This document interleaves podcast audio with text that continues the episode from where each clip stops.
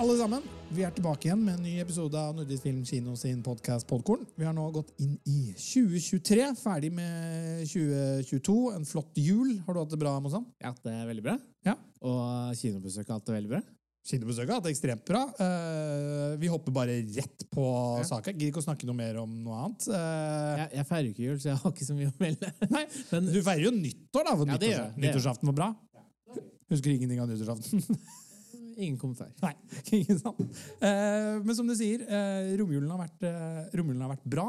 Avatar har nå i Norge rundet 500 000 besøkende. Kampen om Narvik har rundet 300 000. Og Kardemommeby har rundet 230 000. Både Kampen om Narvik og Kardemommeby hadde jo premiere i romjulen. Avatar har jo gått litt lenger. Men uh, utrolig gøy å se kinobesøket oppå skikkelig nikker igjen i romjulen. Mm. Og det viser jo at folk på en måte, når du har filmene folk vil se, så kommer de jo. Og de har kommet hele jula og nå i januar også. Og det er mange folk, det, det at Avatar har nådd 500 000 på en måned er jo helt sjukt. Det er jo det Top Gun endte opp med. Den endte opp med 550 på en måte. Så det er masse igjen i Avatar, og det er masse igjen i Kampen om Narvik, som bare har gått i 15 dager maks. Og samme med uh, Kardemomme. Ja, altså, altså, vi snakket jo tidlig om det, at Avatar i motsetning til Marvel-filmen er en film som, som går lenger og har, har et høyt besøk over en lengre periode. og Det ser vi jo veldig tegn på, ser vi jo veldig tegn på nå. At den fortsatt, både i helger og ukedager, scorer gode besøk. da. Eh, og det, det tyder jo bra på hvor mye, hvor mye den drar igjen også sitt resterende leveliv på, på kino. Mm. Den var jo på topp igjen nå, nå i helgen.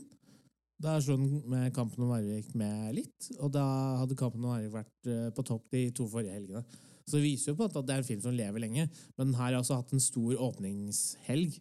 Så den gjør litt begge deler. Avatar 1 hadde ikke tidenes åpningshelg, den hadde bare veldig bra besøk hele tiden, uten så mye fall. Ja, og spennende, og spennende også, eh, James Cameron gikk jo ut i mediene og sa nå, nå har han ingen grunn til å utsette Avatar 3 og 4, så nå må han bare hive seg rundt, for nå har jo nå har jo eh, Avatar Way of Water har jo nå spilt inn så mye at den har, eh, har, har begynt å gå i pluss. Eh, den måtte jo gjøre utrolig høye tall før den gikk i, gikk i pluss, men den har jo nå hatt et besøk på på søk på to milliarder på kino verden over, og er nå den syvende, syvende største filmen på kino gjennom tidene. Eh, Det er jo gøy. Det er ganske Og den er jo ikke, den er jo ikke ferdigspilt ennå. Den hadde jo premiere 21, nei, 14. 14. desember. Så, så hva den ender på, er jo spennende å se. Jeg, jeg tipper den kommer topp tre. Uh, sniker seg inn enten Ja, bak Avengers eller uh, rett foran Avengers. Jeg tror kanskje ikke den spiller inn like mye som den uh, første Avatar, men eh, rett bak. Ja, jeg tror det også. Og er- hvis du ser på internasjonalt, da, så er den på femteplass. For da gjør den jo Da er den jo Da er det Avatar, og så er det Avengers, Endgame, og så er det Inf nei, Titanic, og så er det Infinity War, og så er det Avatar 2. Og det er litt sjukt at James Cameron nå sitter igjen med tre av topp fem, på den. Hvis han lager en Marvel-film, så, så kan du ta over hele lista. Ja, altså det som, det som er så gøy å tenke på, er jo også Ja, han, han sitter med så mange filmer da, som har spilt inn så mye penger. Men hvor mye penger de tjener, er jo et mye mindre enn veldig mange andre filmer. Fordi de koster jo også Ja, det det. skjorta å lage. Og hva var det han sa? Det han sa? Filmen måtte spille inn to milliarder kroner for å gå i eh, For å breake null. Det er jo helt sinnssykt hvor mye penger man da har brukt på å lage en, eh, å lage en film. Men eh, resultatet er jo bra, og James Cameron vi liker han jo fordi han er jo en kinoens mann, så han har jo også gått nå ut i mediene at han er drittlei av å snakke om streaming, og vil absolutt ha folk tilbake på kinoen, og er strålende fornøyd med at Avatar gjør disse tallene, for det viser jo at kinoen er jo ikke død. Det er Nei, ikke noe ikke det hele død kino. Og da er det jo Han kommer jo med en ny film, en ny slash gammel film, nå ganske snart. 10. februar så relanseres Titanic i 3D. Så da kommer det til å settes opp eh, rundt omkring i landet. Og det blir jo Jeg tror ikke, jeg tror ikke vi kommer til å se Avatar 2-tall, men jeg tror vi kommer til å se ganske Avatar 1 relanseringstall, kanskje. Ja, og så er det jo, er det jo også et, da et, pluss, eh, et, eh, et godt plusstegn at det er James Cameron sin film som relanseres i 3D, så vi vet vi får ikke noe påklistra dårlig 3D her, for da hadde han ikke sagt ja til å gjøre det. Men eh, Mozan, lukter litt, eh, lukter litt lusa på gangen her. Relansering av Avatar 1 fikk vi på kino. Vi fikk Avengers kom flere ganger på kino for å booste opp tallene sine litt. Og nå kjører vi Titanic. Disney er noen, eh, er noen sleipe ulver på å relansere filmene sine Men på kino. de gjorde jo det her med Avatar 1. Kom jo en extended edition på kino kanskje rundt seks-syv måneder etter at eh, originalversjonen hadde kommet. Så jeg vil tippe at uh, kom uh, november-desember, så kommer det kanskje en, stø en for forlenget versjon av denne filmen her. Eh, vi touchet jo inn, inn på det. Greit å bare snakke litt mer rundt det. Titanic uh, har 25-årsjubileum, stemmer ikke det? Og da kommer den på kino i 3D. Uh, når er den premieren? Det er 10. februar, så da kommer den til å gå rundt Valentine's Day også. Så det er jo, kjempe, det er jo en av de største kjærlighetshistoriene filmene vi på en måte har. Og så er den Jeg er usikker på om den er jeg tror den er remastera i både 4K og i 3D. Eh, Så det blir jo veldig gøy. Og så lurer jeg på om det er noe high frame rate oppi der også. Ah. Men det, men det vet jeg ikke helt. Men uansett, kult da vet dere alle det at eh, man eh, snart får mulighet til å se Titanic på den måten den bør ses, på det store lerretet igjen. Ja. Eh, og så kan man ta opp diskusjonen igjen. Er det plass til, eh, til Jack på den eh, døra? Det bør ikke vi avgjøre her, men eh, folk må se og bestemme selv. Ja. eh, Syns vi også må touche innom en gang til på Kampen om Narvik. At Ja. den nå har rundet 300 000. Kjempegøy for en film er- som har vært utsatt så lenge. Ja. Eh, den, er, den har jo ikke blitt glemt. Nei, og, det, og den også, i likhet med Avatar, gjør jevne, gode tall. Eh, så det er veldig mange som er interessert i å se den. Jeg tror det er masse å hente igjen. Det man må huske på, er at to av de Den hadde premiere 25. desember, så den hadde premiere på en søndag. Så den eh, første helgen var jo da nyttårshelgen, og det er jo da mange kinoer er stengt på 31. Så nå har jeg ikke hatt en fullverdig kinohelg før nå. Eh, og jeg tror det på en måte viser jo at det er mye å hente igjen i både besøk og folk som på en måte vil se den. Og så er det jo ganske unikt at en film som måtte hatt så mye reklamekampanjer for ett og to år tilbake, når den skulle lese, eh, lanseres da, fortsatt gjør det så bra. Da. Folk har jo ikke glemt den, folk har jo venta på den. Ja, og det er kjempegøy å se, og den fortjener, den fortjener det virkelig, og har jo fått strålende anmeldelser og hatt en det, det, det er gøy å se at uh, all ventingen har, ikke har vært forgjeves. Veldig. Uh, vet du hva jeg gjorde på søndagen som var? Nei. Da var jeg på Asker kino og så Kardemommebaby med Ja. min eh, datter. Så jeg har da vært en av de 230 000 som har vært på kino og sett den. Eh, det å se barnefilm med, på kino med barn i den alderen er en opplevelse i seg selv. Det er så gøy å høre så mange barn synge med og rope der er Jonathan, jo!'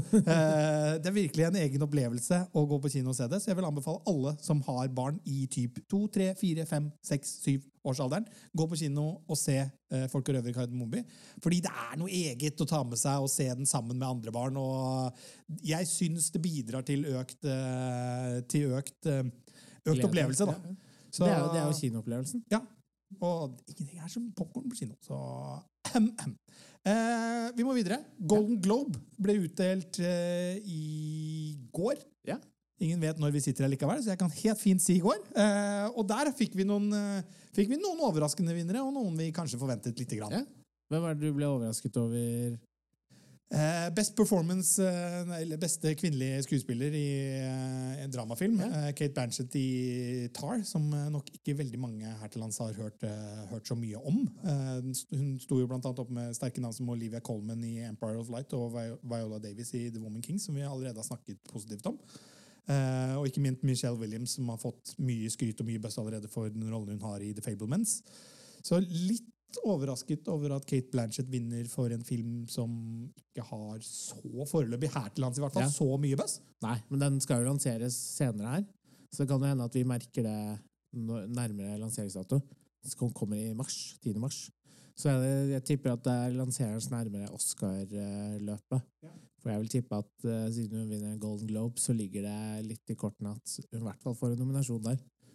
Og, og morsomt, og kanskje også litt overraskende, er jo at uh, The Banshees of uh, Ingerine vinner uh, beste film i musikal- og komediekategorien mot filmer som Store filmer som Babylon, uh, Everything Everywhere All At Once, Triangle of Sadness og eh, Glass Onion, Knives Out Mystery. Eh, tror kanskje ikke jeg hadde gjettet den. den. Det er jo det er jo ikke en kjempesmal film, men det er jo heller ikke en stor, stor film. Eh, eh, hva jeg kan huske tilbake, så tror jeg er, er det en av de mindre vinnerne av den kategorien jeg kan huske på en liten, en liten stund. Ja. Eh, Nei, jeg er veldig spent og gira på den, men jeg skjønner jo hva, den, hva du mener. Det er jo en liten og litt sær film. Eh, Men jeg tror den har jo veldig mange store navn. Da. Eller, han har Colin Farrell, og så har han Brennan Gleeson. Og så har han Barry Coogan. Jeg vet ikke helt hvordan du uttaler men den. Eh, Så den har jo bra cast. Og da tipper jeg at sånn, når en liten film gjør det så bra, så må den jo være ganske bra for Ja. å liksom kunne eh, overdøve sånne store filmer som Babylon. da. Abs absolutt. Også, og Colin Farrell, som du nevnte, vant jo også beste skuespiller i musikal eller komedie eh, for rollen sin i Banshees of uh, Insurine. Så, Jeg skjønner ikke helt den Golden Globe-oppdelingen av kategorier, men det, det får være en annen sak. Nei, så hvorfor musikal og komedie er en egen kategori Ja. i seg selv, er, er noe rart. Og så er dramaen hvor, hvor er action, hvor er actionfilm, liksom? Action er det De er ikke gode. De- de er Aldri bra nok. nok. De er aldri bra Nei.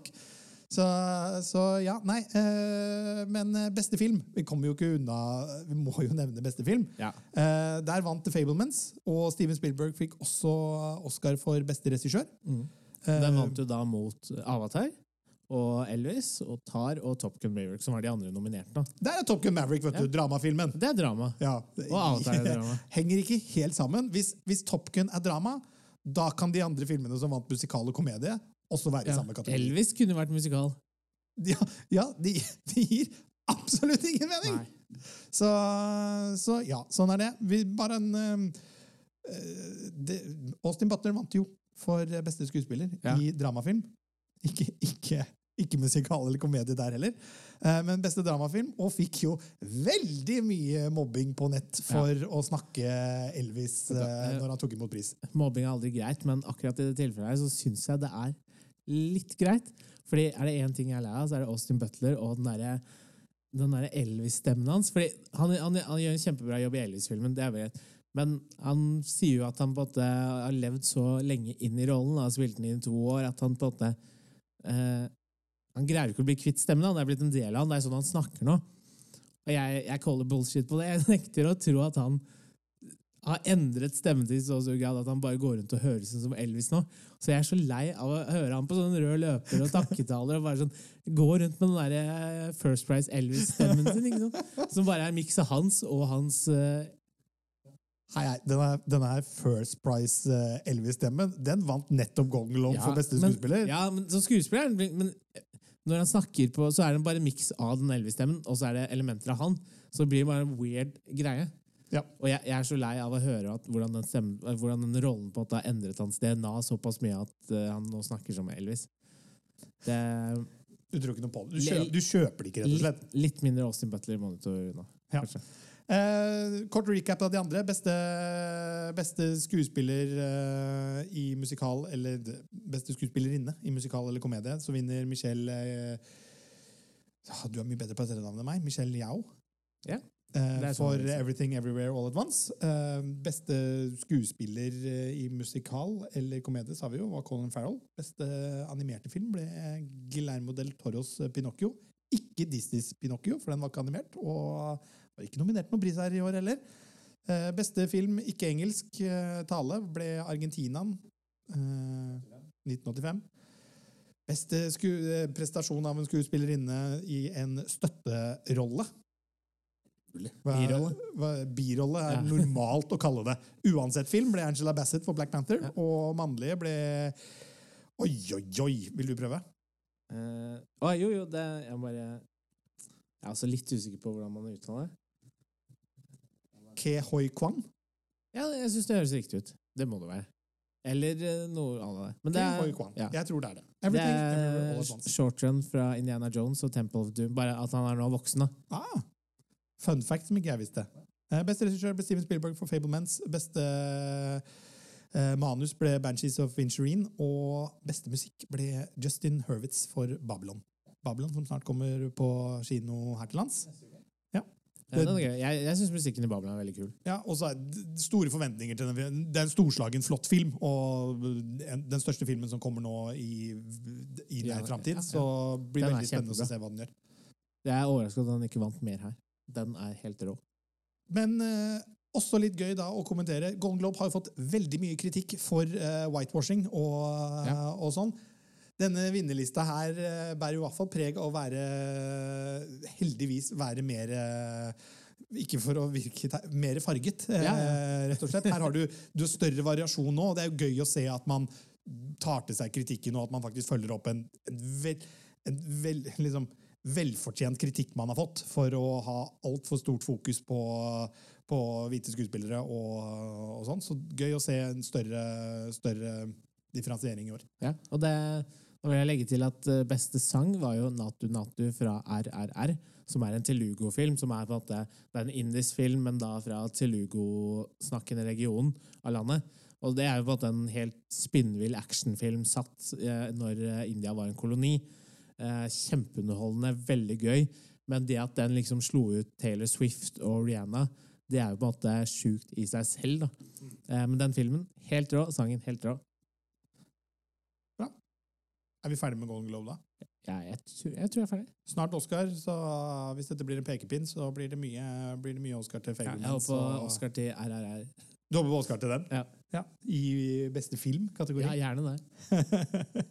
Eh, det har selvfølgelig vært noen andre nyheter også som jeg synes det er greit å catche opp på, siden vi ikke har hatt en podkast siden før jul. Eh, det, er jo, det er jo Marvel holder oss jo busy her på podden, så Antman uh, kom med en ny eh, trailer. Antman and the Wasp, Quantumania. Eh, og nå, nå, Mosan, nå begynner det å nå, skje er, nå er du gira? Nå er jeg gira. Nå, nå ser du eh, Nå ser du sporene, nå ser du hvor det leder. Nå, skje, nå ser jeg hvor det, hvor det bærer hen. Eh, Kang the Conqueror er veldig til stede i denne traileren. Eh, Vi som har fulgt med på alt Marvel en stund nå, eh, har jo veldig kjennskap til, eh, til denne karakteren. Og du begynner jo allerede i traileren her å ane litt hva som kommer til å skje framover. Og det syns jeg endelig begynner å bli spennende. Jeg begynner å se litt de trådene de har dratt opp nå. Ja, nei, og jeg syns uh, Jeg syns Antman-filmene er på en måte gøy og artige, men de har aldri vært så veldig store, da. Det er alltid litt sånn mindre historier og har ikke så mye å si for det store hele. Men her virker jo litt sånn episk og storslagen og på en måte helt visuelt spektakulær på en helt annen måte enn de andre Antman-filmene. De har glimtet med det, men de har aldri liksom uh, virker utforsket det så mye som det virker som de gjør her. da. Eh, så jeg er veldig spent på hvor, hvor denne historien bærer hen. Fordi det er jo mange, mange har kritisert eh, eh, sesong, jeg mener fase fire, for å være litt sånn retningsløs, da. Og at det blir litt likt, og det kan jeg jo sett. Kanskje det her er på en måte en eh, Hva heter det når du leder kjipt på riktig vei? da. Ja. Det blir spennende å se. i hvert fall. Det, det jeg tar ut av det her, er Jonathan Mayers. Han tror jeg vi kommer til å se mye av framover. Ja. Eh, bare i denne traileren her, så det, det, det virker som en som en superskurk à la Thanos med flere lag og godt spilt, så Du, er- du er litt overrasket over hvor svær han fyren egentlig er? Ja, altså, Jonathan Mayers eh, i rollen som Kang eh, så vi jo først i, i Loki. Da syns jeg han virka mye mindre, ikke, føl, ikke fullt så biff som han nå er i virkeligheten. Han kommer også til å spille en rolle i Creed 3, Ja. og der er han jo veldig Han er veldig svær. Eh, Du, du så for deg en litt sånn Donald Glover-type? Han virker, han spiller veldig Donald Glover eh, Ja, han. i rollen som Kang i, i Loki, så jeg trodde det var litt der det, der det var. Men eh, etter å ha sett denne traileren, så tror jeg ikke det er dit, det skal, det er ikke dit vi skal. Han er kjempesvær. Så nei, jeg tror vi får se mye Jonathan Mayers framover. Og forhåpentligvis så blir rollen som Kang stor og god i Marvel-universet. Så eh, nei, denne, denne traileren fikk meg, fikk meg opp i ringa, altså. Og det er ikke så lenge til. eh, 15. februar. Det er straks. Det er jo rett rundt døra. Det er jo rett rundt døra. Eh, annen eh, liten nyhet er jo at eh, vi får eh, en ny Gladiatoren-film. Ja. Oppfølger til, til Ridley Scotts Gladiator med Russell Crowe i hovedrollen. Kommer om ikke sånn fryktelig lenge, og der har vi nå fått vite hvem de har castet i, i hovedrollen. og Det er Paul Mascal, kjent fra TV-serien Normal People, og Aftersun, som allerede har mye god buzz og Ja. kommer på kino senere i år. Eh, jeg syns dette er en, dette er en kul, eh, kul casting. Han, han, han ligner ikke direkte på Russell Crowe på den tiden, men eh, noen trekk ser vi jo. Ser vi jo. Dyktig skuespiller til en kul film som jeg lurer litt på hvordan de skal lage en oppfølger til. Så det blir Ja. spennende. Ja, han kommer til å spille sønn av Lucius. Ah. Så han er ikke, jeg tror ikke han er Russell Crowe-karakteren. Nei, jeg husker ikke hva som skjedde med Russell Crowe-karakteren. Dør ikke han i slutten Jo, jo, av ja. Gladiatoren? jo, ja, jo, det gjør noe. Så det er Spoiler, litt rart uh... spoiler, spoiler for en 21 år gammel film. Ja. Men- men- ikke, så nok en gang, vi sier det bare nok en gang. Eh, hvis du ikke har sett 20 år gamle filmer når du hører på denne podkasten, synd. Det kan vi ikke noe for. Men du veit jo, allerede etter Gladiator så begynte jo å planlegge en oppfølger. Eh, jeg vet ikke om du har lest om det, men det fins et manus skrevet av blant annet eh, Nick Cave, uh, som da er en sånn Det er en helt sånn speisa oppfølger, og det er egentlig den filmen jeg skulle sett. Fordi da blir eh, Maximus, da er også Crow-karakteren, han blir gjenopplivet. Og så er han en kriger gjennom tidene, så han slåss i alle eh, forskjellige kriger. Da. Så han er der eh, under vikingtiden, og så under korstogene. Han er Wolverine! Eller, nei, men Han er sånn krig personifisert til et eller annet. Og skulle være en sånn svær, episk film. Og så helt opp til liksom dag i eh, sånn eh, dag, I dagtid, da. Nåtid. Eh, så han skulle liksom slåss i verdenskrigen og masse forskjellig, og så skulle han ende opp som general i Pentagon. Og han var sånn helt speisa, men også bare sånn så unikt og bare rart. Så jeg er litt sånn skuffa at vi ikke får se den versjonen. Ja, For den, jeg, jeg tror jeg hadde vært litt sånn Helt ulikt eh, mye annet vi har sett. Det kunne vært en helt forferdelig film. Eller så kunne det vært en av de tidenes feteste filmer. Men det er også noe likt Ja. der som eh, denne X-Men uh, Origin Stories, det. Wolverine-filmen. Ja. Som også utspiller seg ganske likt som det, med da Wolverine som er med i alle amerikanske kriger. kriger opp gjennom tidene. Så Nick Cave, her har du sett en film på en liten tripp og valgt å lage et manus til en annen film. Ellers er det noen som har lest det manuset og bare repurposet det til X-Men Origins Ja. Wolverine. Men hvis de så den grundig på den filmen, så burde de kanskje tenkt kanskje vi ikke skal lage noe Kanskje vi ikke skal spille noe videre på dette, for den filmen var ikke så bra. Men det kan vi komme tilbake til en annen dag. Eh, Nicholas Cage er i vinden som aldri før om dagen. Som aldri før er å ta igjen. Han har spilt i Con Air og Face Off filmer, ja. og, og Ja, The det er over 20 år siden, da. De har vel de har Da var, en- men da var han i vinden! ja, Men eh, de slapp en trailer for en eh, ny film som heter Renfield, hvor han spiller Dracula. Eh, ser utrolig kult ut. Nicholas Holt spiller hovedrollen i filmen, som må jobbe for da Dracula. Eh, og så har du hun utrolig gode eh, Aquafina? Aquafina. Ja, Aquafina. Eh, like morsom i alt jeg ser henne i. I, i en eh, birolle i filmen. Den ser, se traileren for Renfield, alle sammen. Ser utrolig spennende ut. Og det er ikke lenge til den kommer på kino. Nei, jeg tror den kommer i mars-april. Og den ser veldig artig ut. Jeg synes det så ut som en hadde jeg ikke hørt så mye om. Men det virker som en veldig morsom, morsom kinofilm. Vi syns jo alltid det er gøy når trailere kommer litt ut av det blå, som øh, på filmer vi ikke har hørt så veldig mye om. Og når jeg ser traileren her, så lukter dette her ny franchise-trailer. for jeg, jeg får litt de vibbene med litt sånn action- actionsekvenser. øh, og det er mye å spille videre på over flere filmer her, så, så spennende. Jeg gleder meg til å se hvordan, hvordan den gjør det. Eh, Det var det vi hadde med nyheter eh, denne uken. Og nå skal vi i gang med noe vi har gledet oss slash ikke gledet oss overhodet til. Vi skal nemlig begynne å gå gjennom uh, de dårligste filmene som er laget uh, noen gang, Mozan. Ja, Uh, Det er litt av en oppgave. hvorfor har vi gjort det her? Jeg vet ikke, jeg synes det hørtes gøy ut når vi på en måte pitchet det til, du pitchet det til meg. For jeg er bare sånn, ja, men det er gøy å snakke om disse filmene. Men så skulle jeg jo se denne første filmen Ikke spoil det da hvem vi har sett. Nei, og da var jeg sånn Hva faen er det jeg har sagt ja til? Dette er ikke noe gøy i det hele tatt. Det var, jeg, trodde, jeg trodde det skulle være mer morsomt. Det var ikke morsomt, det var bare pinsomt. Ja, for eh, la oss, eh, la, oss, la oss sette stage her. Vi skal tilbake til eh, 2003. En, eh, et år hvor, som er hovedsakelig kjent for en annen skikkelig ræva film, nemlig filmen som drepte forholdet til Ben Affleck og Jennifer Lopez, nemlig Giggly.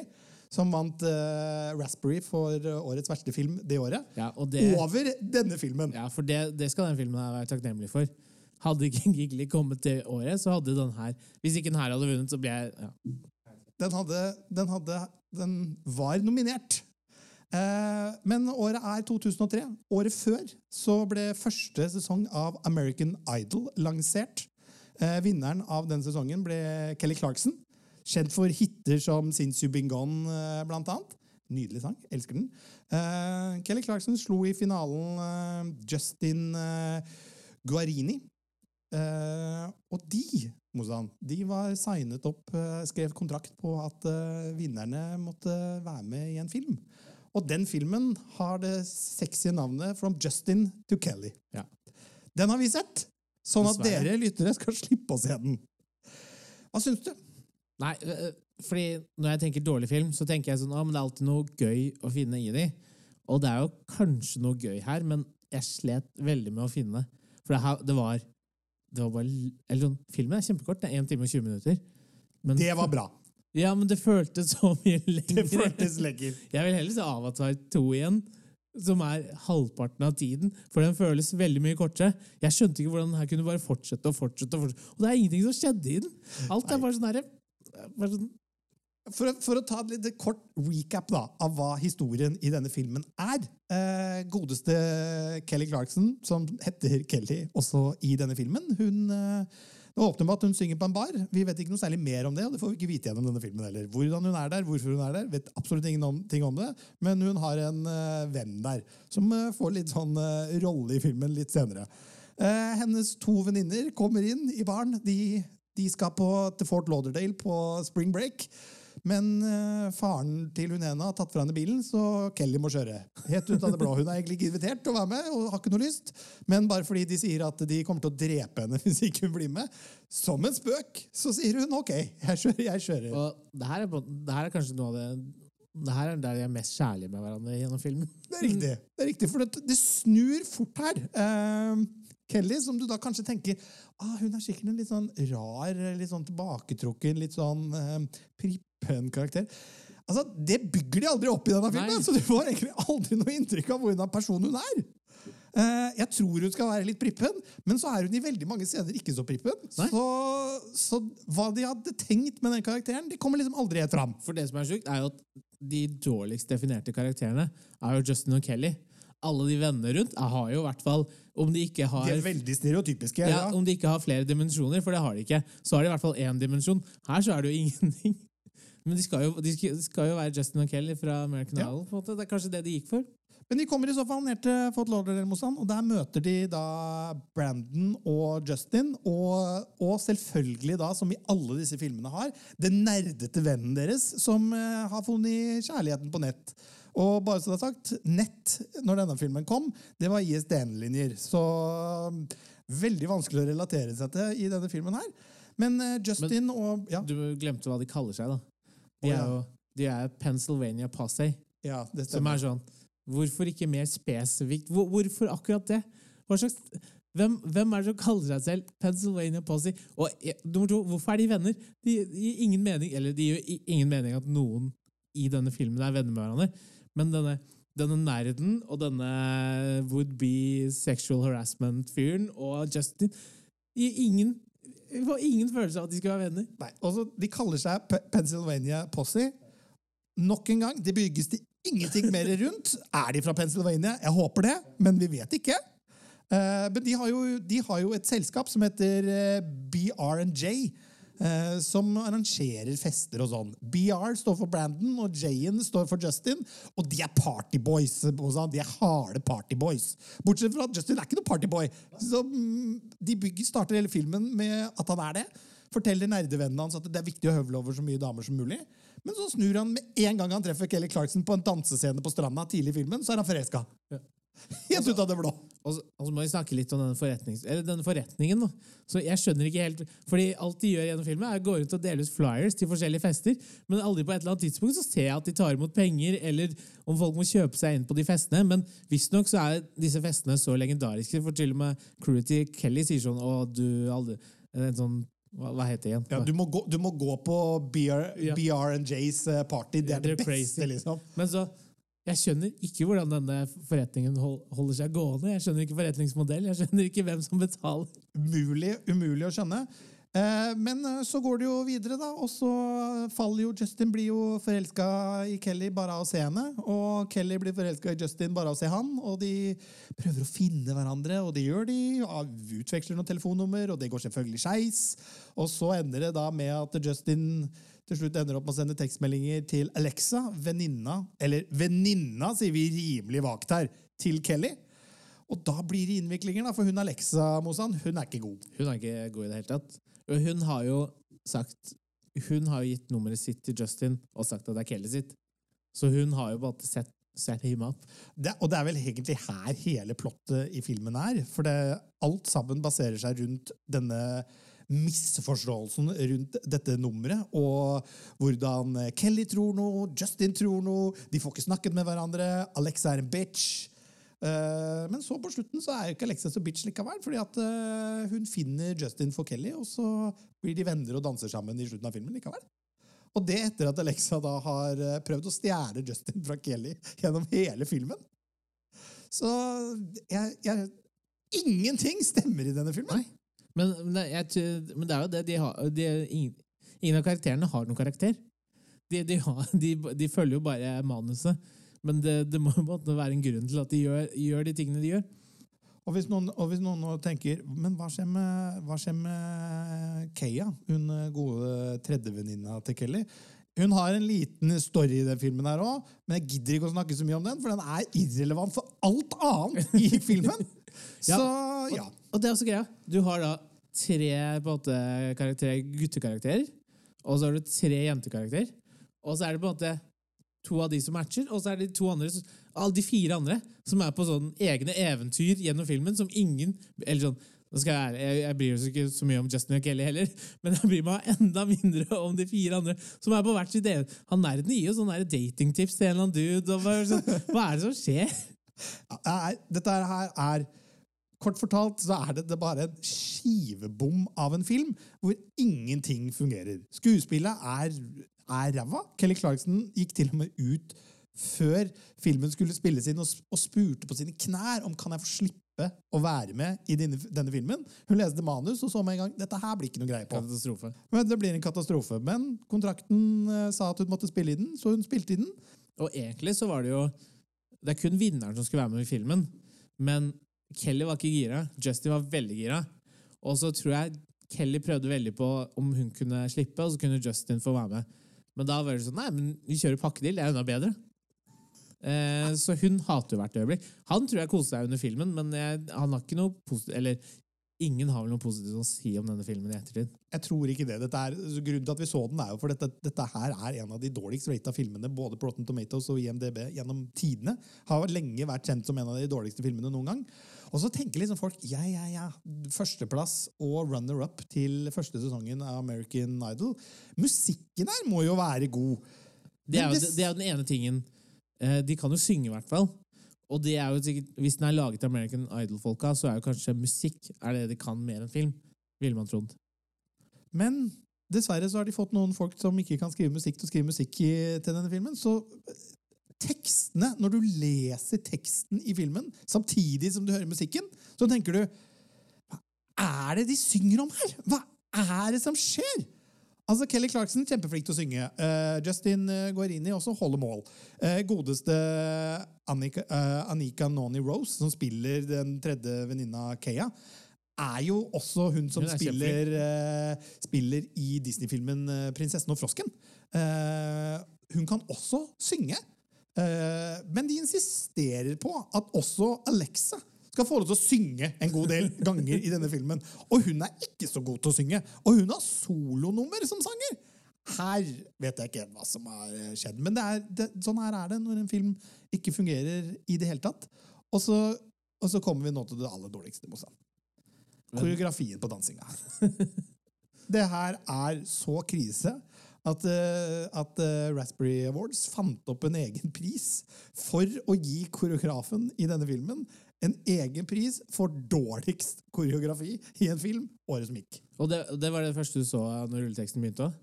Ja. For det, det må, må, bety at noen tenkte oi, dette er så bra at dette må vi fremheve. Dette kommer før regissøren, før skuespilleren, før produsent, alt mulig. Eh, Og der, på, ellers på en måte ville de bare at folk skulle vite hvem som sto bak på en måte alt det her. Ja, nei, det, det er alt, alt Ingenting stemmer her. Eh, skuespillet er dårlig. Eh, hele historien er dårlig. Det, Sangene er dårlige. Sangene er dårlig, koreografien er dårlig. Man skulle liksom tro at man skulle i hvert fall klare å lage en ganske grei ungdomskomedie med en sånn ålreit historie. Vi har jo sett eh, direkte på Netflix-filmer som Kissing Booth og sånn som som i hvert fall klarer å levere en historie man kan, man kan kjenne seg igjen i. Det fungerer ikke det heller i denne filmen. Filmen hadde et budsjett på 12 millioner kroner. Klarte, å- klart å spille inn 4,9 millioner kroner. Hva de har brukt 12 millioner kroner på i denne filmen, det vet ikke jeg. Det må være lønn. Jeg kan ikke skjønne hva de har brukt den på ellers. Eh, filmen ble spilt inn på to og en halv måned, ja.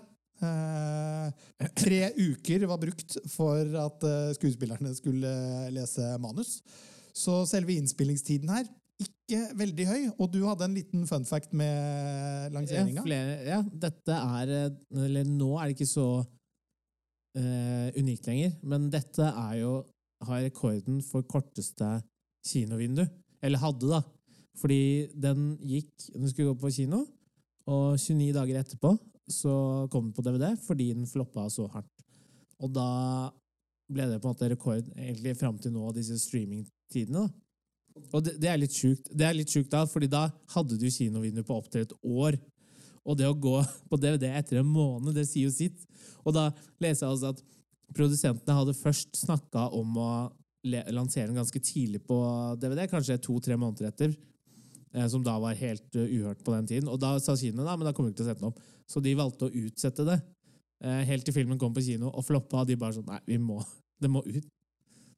Ja, det er eh, eh, krisemotstand. Eh, nå har vi sett filmen, Ja. så du slipper å se den. Eh, det, kunne, det, kunne, det er egentlig en fin ting, da.